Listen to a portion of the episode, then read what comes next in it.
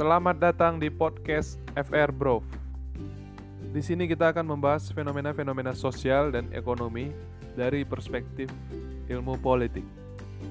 Topik di episode kedua kali ini adalah demokrasi dan pembangunan ekonomi.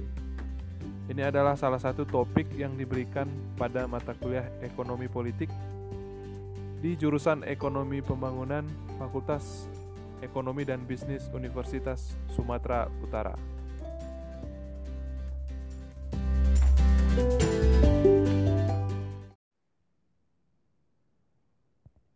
Ada tiga pembahasan yang akan kita diskusikan untuk topik demokrasi dan pembangunan ekonomi ini. Pertama nanti kita akan bahas tentang teori modernisasi. Kemudian yang kedua adalah pengalaman Indonesia dalam mempraktikkan teori modernisasi tersebut. Kemudian yang ketiga adalah kritik terhadap teori modernisasi yang membicarakan tentang hubungan antara demokrasi dan pembangunan ekonomi tersebut. Nah, yang pertama kita akan membahas tentang teori modernisasi. Secara umum, ada dua gelombang teori modernisasi yang jamak didapatkan di literatur-literatur ekonomi politik.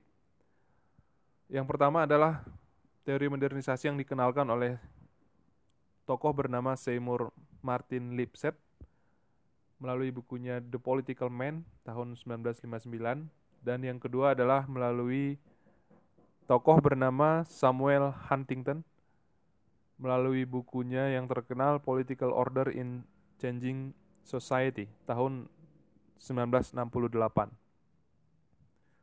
Kita akan bahas terlebih dahulu untuk teori modernisasi ala Lipset. Tesis utama dari teori Lipset tentang teori modernisasi yang menjelaskan antara hubungan demokrasi dan pembangunan ekonomi adalah bahwa dia berpendapat pembangunan ekonomi itu adalah prakondisi untuk demokrasi. Artinya adalah harus di ekonomi tumbuh dulu dan berkembang, baru kemudian demokrasi bisa diterapkan. Dia beranggapan bahwa pembangunan ekonomi akan memperbesar kelas menengah yang open minded.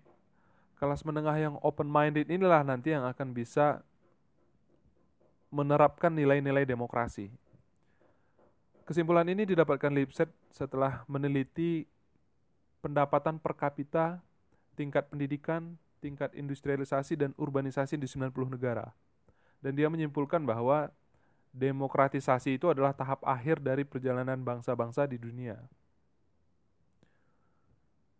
Implikasinya adalah negara miskin akan menjadi kaya, kemudian menjadi demokratis.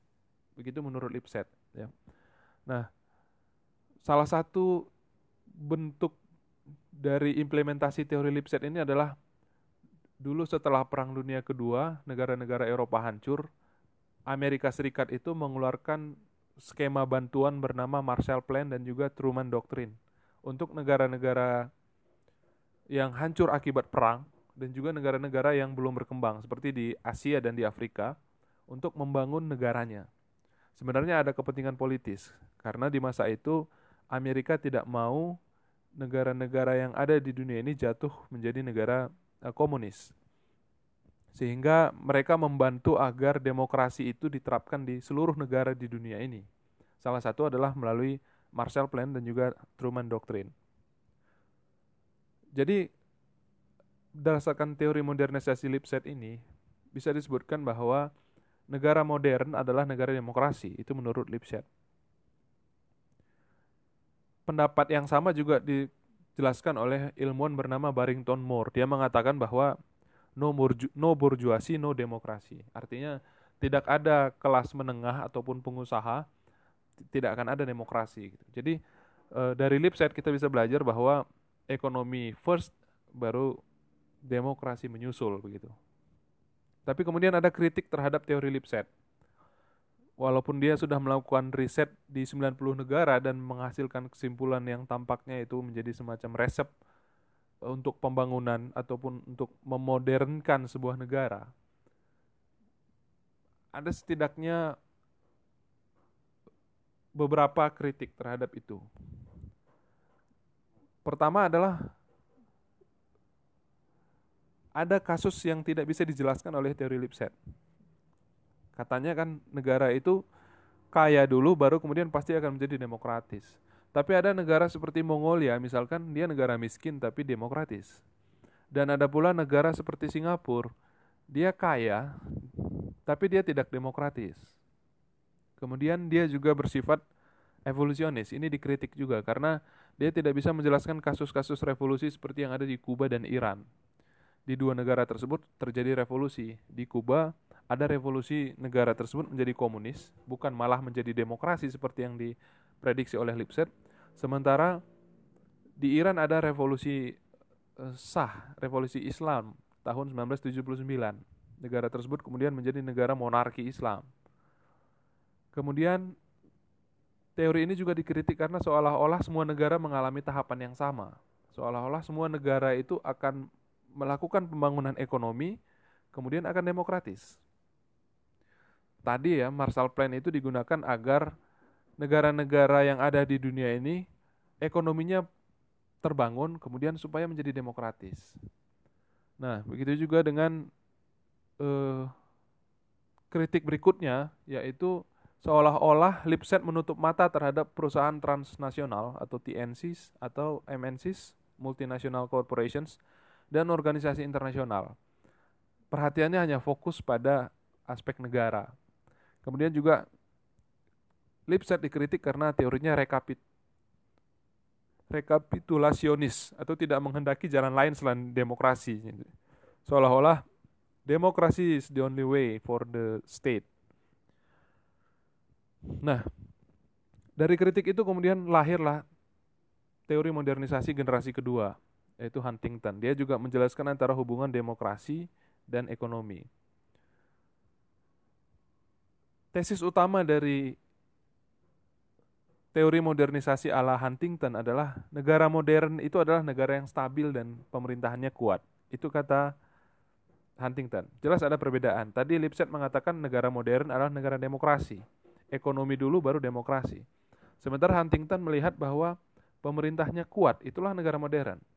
Huntington terbalik, dia melihat bahwa apabila pemerintahan kuat, pemerintahan akan bisa fokus untuk menjalankan pembangunan ekonomi. Nah, di, uh, Huntington berpendapat bahwa pembangunan ekonomi yang basisnya adalah pertumbuhan ekonomi, artinya ekonomi dibilang berkembang apabila pertumbuhan ekonomi itu tinggi begitu. Menurutnya itu hanya bisa dilakukan apabila ada tertib politik atau political order. Jadi tidak boleh ada kegaduhan di masyarakat. Harus ada stabilitas. Hanya itu satu-satunya jalan bagi negara untuk bisa menjalankan pembangunan ekonominya.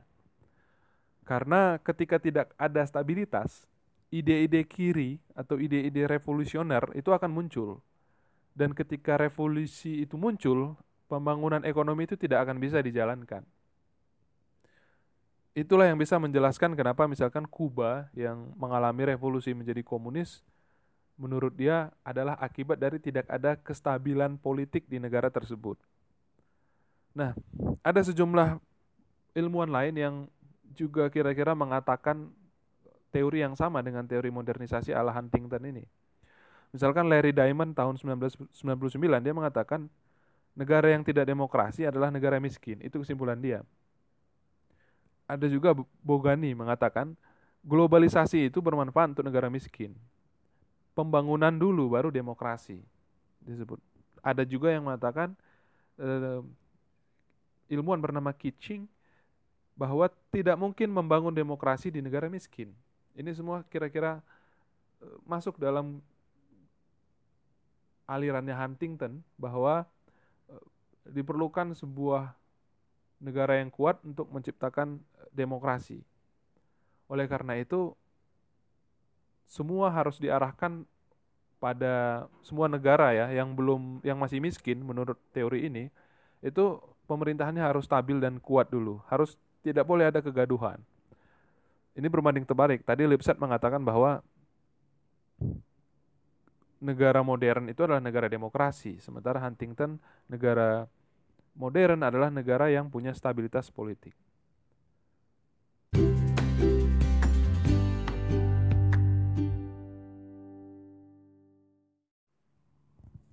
Selanjutnya kita akan bahas bagaimana pengalaman Indonesia yang juga terpengaruh oleh dominannya teori modernisasi pasca Perang Dunia Kedua tersebut.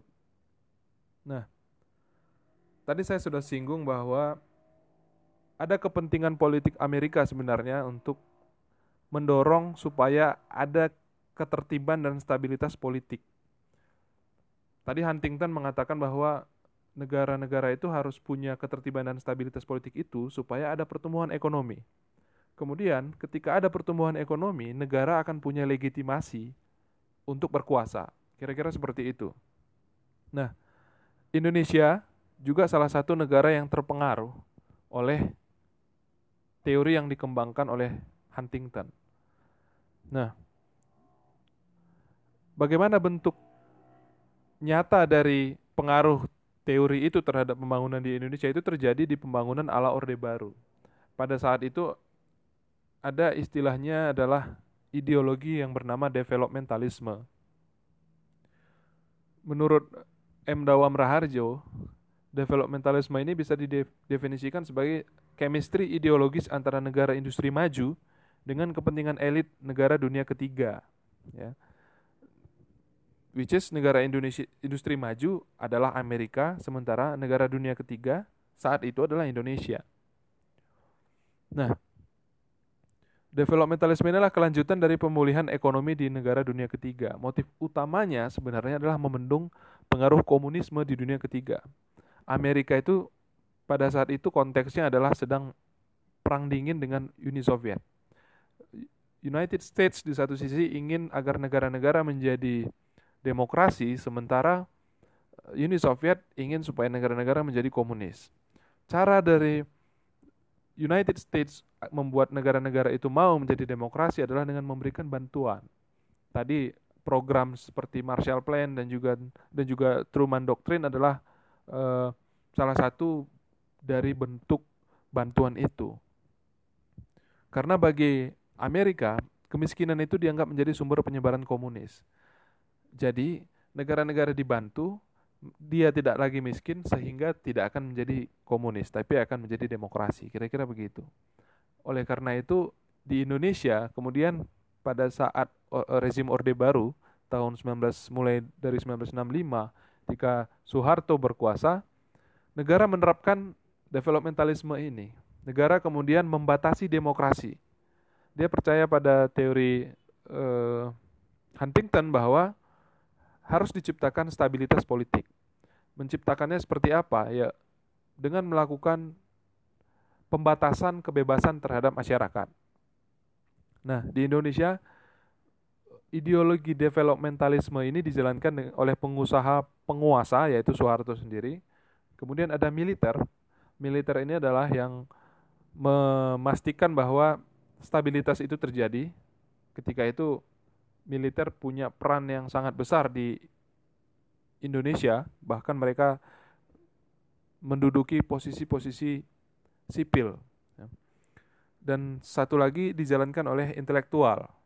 Dulu ada namanya Mafia Berkeley, ekonom, kum teknokrat dari Universitas California Berkeley, Wijoyoniti Sastro dan kawan-kawan yang menyiapkan resep pembangunan untuk Soeharto dan kemudian dijalankan itulah yang kemudian membuat ideologi developmentalisme di Indonesia itu berjalan. Nah, ini selaras dengan tujuan dari Amerika tadi. Gitu. Amerika mau membantu Indonesia melalui investasi, begitu juga dengan beberapa negara lain ya. Ada konsorsium negara-negara eh, seperti Jepang dan ada beberapa negara ya yang memberikan bantuan modal untuk Indonesia untuk membangun negaranya gitu. Untuk menerima bantuan itu, dulu pemerintah Amerika Serikat menerapkan syarat bahwa harus putuskan hubungan dengan negara-negara yang terindikasi komunis gitu. Nah, oleh karena itu bisa disebutkan bahwa Indonesia di era Soeharto itu menerapkan teori modernisasi ala Huntington. Ya. Nah, yang menjadi pertanyaan berikutnya adalah apakah itu berhasil? Apakah dengan stabilitas politik kemudian ekon, pembangunan ekonomi bisa dijalankan oleh negara dan apakah akan makmur rakyatnya? Kira-kira begitu. Tapi ternyata tidak itu. Pengalaman rezim Orde Baru itu menunjukkan bahwa tidak adanya kontrol dari masyarakat karena eh, nggak ada demokrasi sama sekali itu menyebabkan kekuasaan ekonomi dan politik itu menjadi milik dari segelintir orang. Akibatnya tercipta jurang kekayaan yang semakin lebar antara kelompok masyarakat yang satu dan masyarakat berikutnya. Oleh karena itu, te teori dari modernisasi Huntington dan juga ideologi developmentalisme sebagai turunannya ini mendapat kritik karena ada ketergantungan yang besar kepada negara industri maju serta melahirkan pemerintahan otoriter. Ya. Gaya pembangunan Soeharto itu ditiru juga oleh Mahathir Mohamad di Malaysia, ditiru juga oleh sedikit ditiru juga oleh Lee Kuan Yew di Singapura. Tapi dua negara tersebut relatif berhasil untuk melakukan pembangunan ekonomi sementara Indonesia tidak gitu. Nah, itu itulah pembahasan tentang subtopik yang kedua tentang pengalaman Indonesia dalam menerapkan teori modernisasi. Kemudian kita masuk ke topik yang terakhir, bagaimana kritiknya begitu. Sebelum masuk ke situ ada penelitian dari dua ilmuwan Preworski dan Limongi tahun 1997 yang melihat bahwa semakin tinggi pendapatan per kapita sebuah negara, semakin besar peluang negara tersebut menjadi demokratis. Ini sepertinya kembali ke teori modernisasi pertama, itu bahwa mengatakan ekonomi semakin berkembang dengan seiring berjalan waktu, kemudian negara akan menjadi demokratis.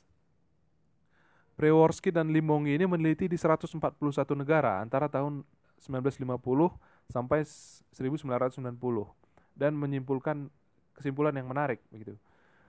Uh, Kesimpulannya adalah negara yang punya pendapatan per kapita 1.500 US dollar, kurang dari 1.500 US dollar, demokrasinya bertahan 8 tahun. Sementara kalau pendapatan per kapitanya 1.500 sampai 3.000 dolar, demokrasinya 18 tahun. Selanjutnya, kalau pendapatan per kapitanya 3.000 sampai 6.000 US dollar, usia demokrasi negara tersebut 28 tahun. Kemudian kalau lebih dari 9.000 US dollar pendapatan per kapitanya demokrasinya immortal. Nah tapi sama sekali ini juga nggak menjelaskan eh, nggak uh, bisa menjelaskan semua negara di dunia. Ini tidak bisa menggeneralisir semua negara di dunia. Karena ada negara demokratis seperti Mongolia ternyata uh, bisa demokratis walaupun dia relatif miskin. Sementara negara Singapura yang sangat kaya tidak demokratis. Jadi terjebak Priorsi dan Limongi seolah terjebak dengan uh, Lipset ya. Nah, bukan hanya pembangunan ekonomi yang bisa menyebabkan negara demokratis ternyata. Ada faktor eksternal yang juga bisa menyebabkan sebuah negara itu bisa menjadi demokratis. Misalkan Argentina. Argentina menjadi demokrasi karena kalah dari perang Malvinas di eh, melawan Inggris. Adapun Taiwan dia menjadi demok demokratis karena faktor geografis, bukan faktor ekonomi. Kemudian ada negara-negara Eropa Timur menjadi demokratis setelah Uni Soviet runtuh. Uni Soviet runtuh di tahun akhir dekade 80-an dan awal dekade 90-an. Eh, Uni Soviet pecah menjadi banyak negara, Rusia, Ukraina, Latvia, Azerbaijan, Uzbekistan dan macam-macam. Dan kebanyakan mereka menjadi demokratis. Nah, mereka menjadi demokratis bukan karena ekonomi. Jadi eh, faktor ekonomi bukanlah jalan tunggal menuju demokrasi. Gitu. Banyak jalan menuju demokrasi ternyata. Nah, ada satu pemikiran tokoh yang bernama Amartya Sen tentang hubungan demokrasi dan pembangunan ekonomi. Dia mengatakan bahwa akumulasi kapital atau kekayaan atau ekonomi ya, itu bukan tujuan. Seolah-olah tadi Huntington itu merumuskan resep negara eh, politik stabil kemudian pembangunan ekonomi akan tumbuh gitu. Itu kan menjadikan ekonomi sebagai tujuan. Nah, menurut Sen ekonomi itu bukan tujuan, tapi alat untuk meningkatkan kualitas hidup. Ini dijelaskan di bukunya yang sangat terkenal berjudul Development as Freedom atau pembangunan sebagai sebuah kebebasan. Quotes yang disebutkan oleh Sen adalah kelaparan itu bukan karena kekurangan makanan, tapi kekurangan demokrasi. Jadi ini ada perbedaan lagi. Uh, menurut Sen,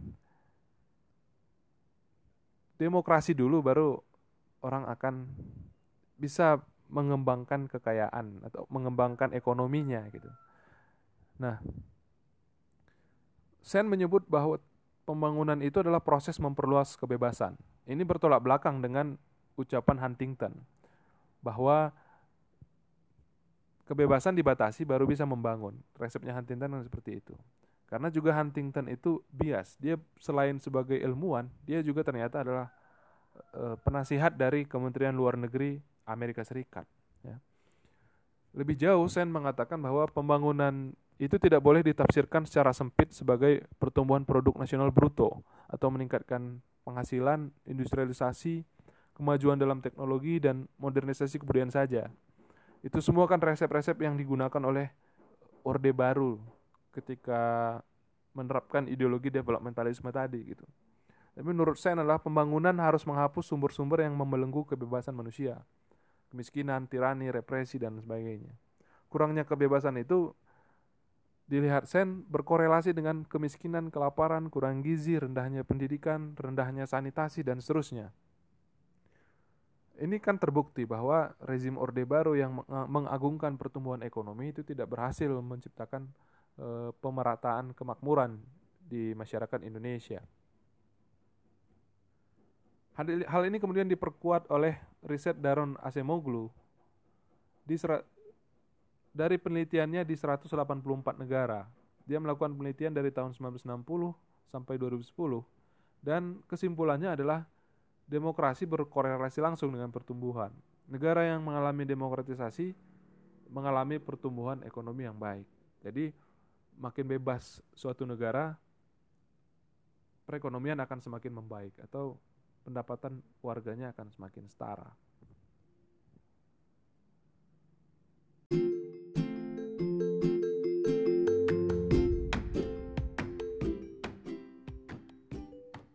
Demikianlah pembahasan kita di episode kali ini.